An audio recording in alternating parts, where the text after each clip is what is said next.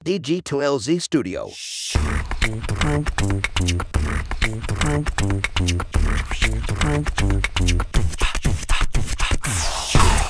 Selamat pagi, siang, sore, atau kapan pun waktu yang teman-teman pakai untuk mendengarkan podcast ini. Kembali lagi bersama saya Panji di podcast Ngobrol Bisnis. Dan kali ini sudah bersama saya adalah Shira Damia Putrinda. Hai Panji, apa kabar? Alhamdulillah. Contekan. boleh, boleh, boleh. dan mensayangkan saham masyarakat. Jadi kita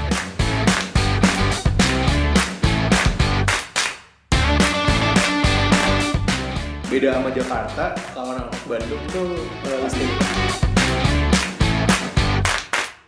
investasiin buat sekolah anak golf into something new gitu. Kupu-kupu mungkin ke- Eh, ayahku tuh satpam gitu kan. di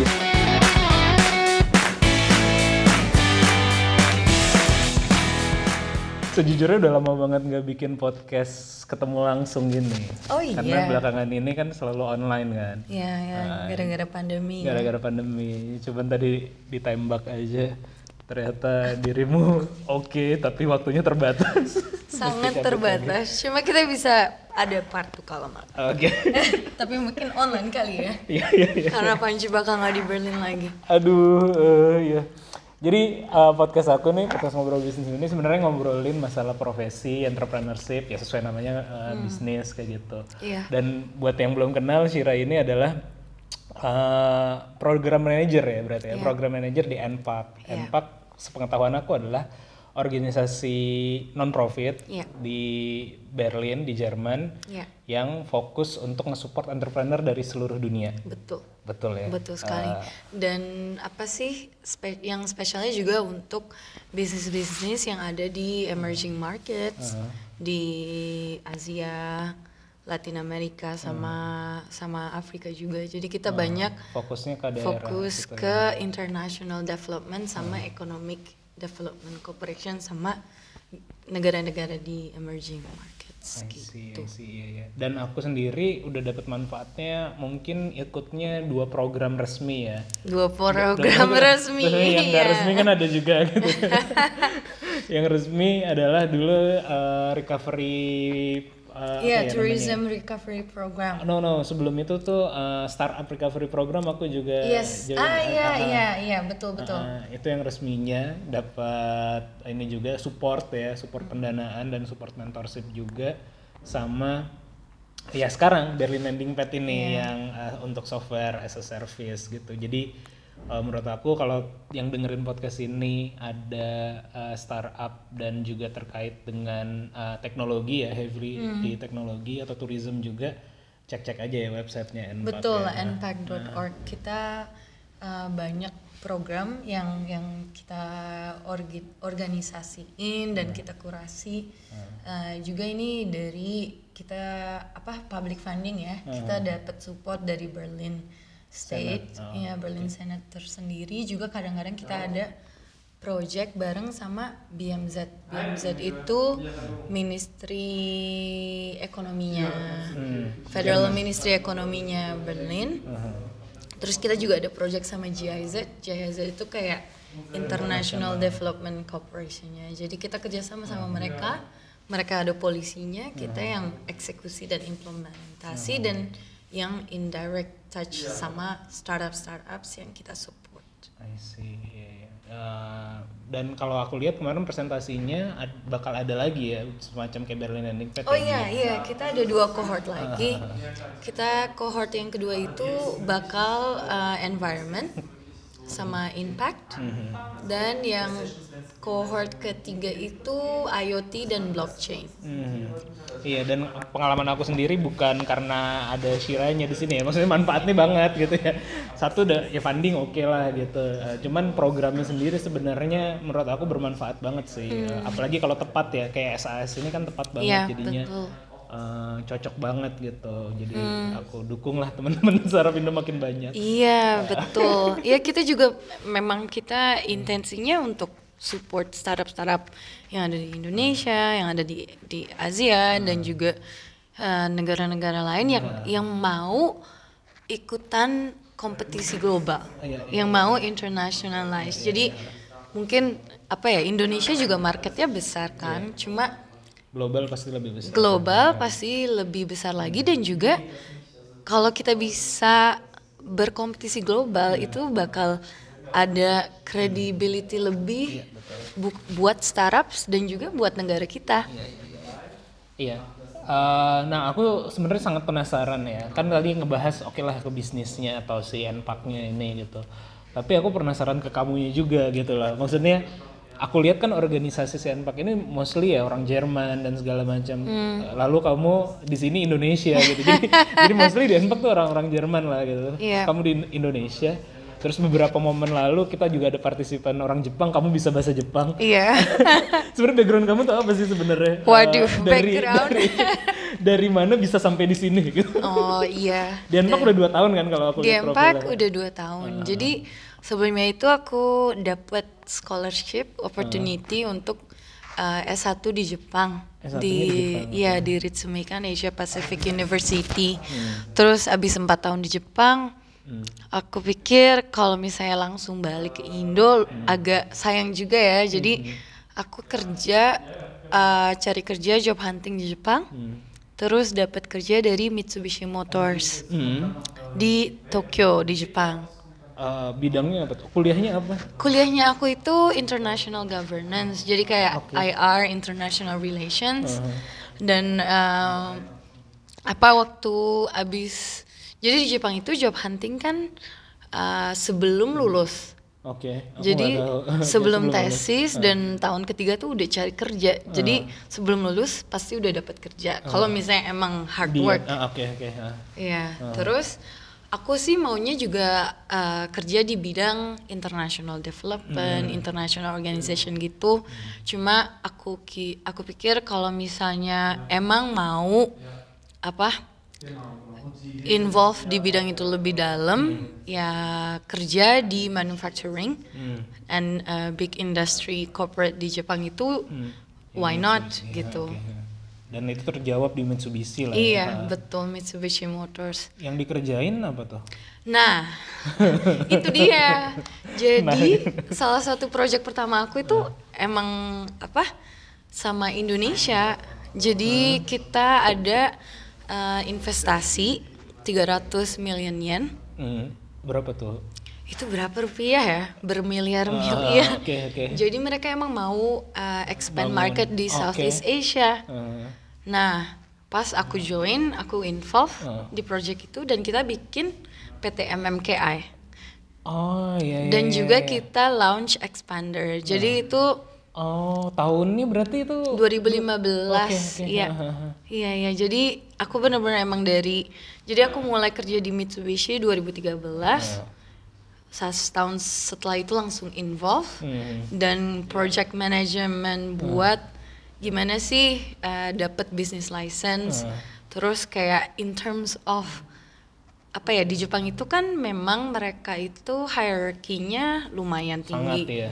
dan mereka tuh biasanya kalau bikin doing business mereka coba ketemu yang high levelnya juga. Jadi aku waktu itu koordinasiin apa ambasadornya Indonesia di Jepang untuk visit Ke, ke factory kita di Jepang.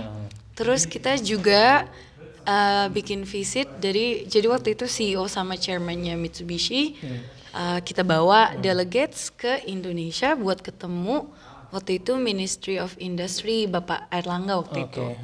Nah jadi itu kayak IR related juga, business related juga Iya, iya. gitu. Eh, itu yang kamu lakukan berarti nyambung tuh ya dari yang Nyambung. kuliahnya dengan yang ininya ya. Iya, lumayan. ya, business background sih kayak I learn. Bisa ke mana-mana Iya, juga I ya. learn from kayak join Mitsubishi Motors ini. Hmm. Jadi kita juga waktu apa ya, waktu launch expander itu Hmm. kita juga invite. Uh, waktu itu datang vice presidennya Yusuf Kala ya waktu itu Hmm. Ah, masih ke booth kita. 2013 iya iya iya. Wow. Ya, jadi Gokil ya sih. gitu. Berarti memang eh, tepat banget pas kamu di situ karena kamu orang Indonesia kemarin lagi mau eh kemarin apa Emang sih mereka, lagi mau market expand ke Indonesia. Indonesia banyak nggak di situ orang-orangnya atau di Aku tim cuma tersebut? sendiri. Wow. Berarti kontribusimu besar ya dalam konteks itu ya. mungkin high paid dong. mungkin mungkin ya Dan cuma marketnya sukses kan, expander di Indonesia sukses kan. banget Oke ya. gitu. jadi kayak kalau balik ke Indo tiap lihat expander Oh, oh itu gua itu tuh. project Iya. gue itu my baby Terus itu eh, berapa tahun di situ? Jadi aku di Mitsubishi itu enam tahun dari 2013. Jadi habis project uh, MMKI di Indonesia ini, aku change department ke Europe department. Oke. Nah, itu jadi beda lagi kan. Oke. Jadi mulai ke EV business, Uh. electric vehicle, European market tuh kayak gimana sih? Uh, dan salah satu responsibility aku itu bikin kayak organize European distributor meeting. Eh, Jadi kita tiap tahun itu ikutan Geneva International Motor Show. Nah di Geneva eh, International Motor Show itu kita bikin, eh, kita undang distributors yang kita punya di Eropa untuk eh, datang ke side event yang kita organize. Jadi kita bakal apa waktu itu kita explain apa sih target kita visi misi lima tahun ke depan 10 tahun ke depan bakal ada produk apa yang sesuai dengan Eropa. Dan ngobrol-ngobrol mengenai ya, negosiasi pricing juga sama distributor itu. Jadi aku bikin aku bawa C level executive organize their schedule like every day in in in during the Geneva International Motor Show dan kita juga ada kerjasama sama uh, importer di Switzerland yang uh, bantuin kita juga untuk bikin booth di motor show-nya dan Kalau perusahaan gede kayak gitu biasanya apa ya? Kalau di Indonesia kan ada istilahnya apa sih ya? Distributor tunggal gitu ya apa ya istilahnya? Ya kayak gitu ya. Di negara-negara lain Jepang juga memperlakukan hal yang sama atau Yes, tergantung bisnisnya. Cuma uh, jadi tuh uh, kalau di Eropa itu bisnis kita kita bikin partnership. Jadi kalau misalnya di Eropa kita ada distribution partner which is Emil Frey untuk Switzerland, Jerman, Prancis. Dan setiap country di Eropa tuh kita ada beda-beda.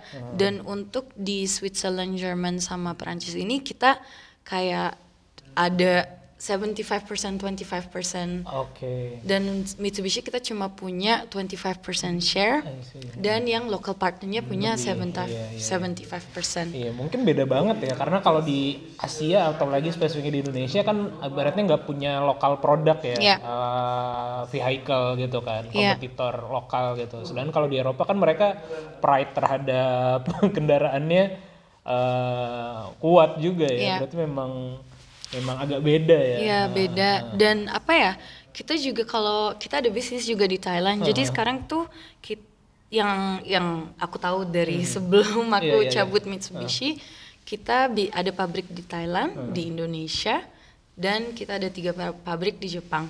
Kita pernah ada pabrik di Brazil kita pernah ada pabrik di Belanda. Nah yang pabrik di Thailand ini itu kebanyakan eh, apa mobil yang kita produksi itu dari pabrik Thailand. Hmm. dan pabrik di Jepang iya. Dan itu ke mana-mana. Dan itu mereka juga ke Eropa. Hmm.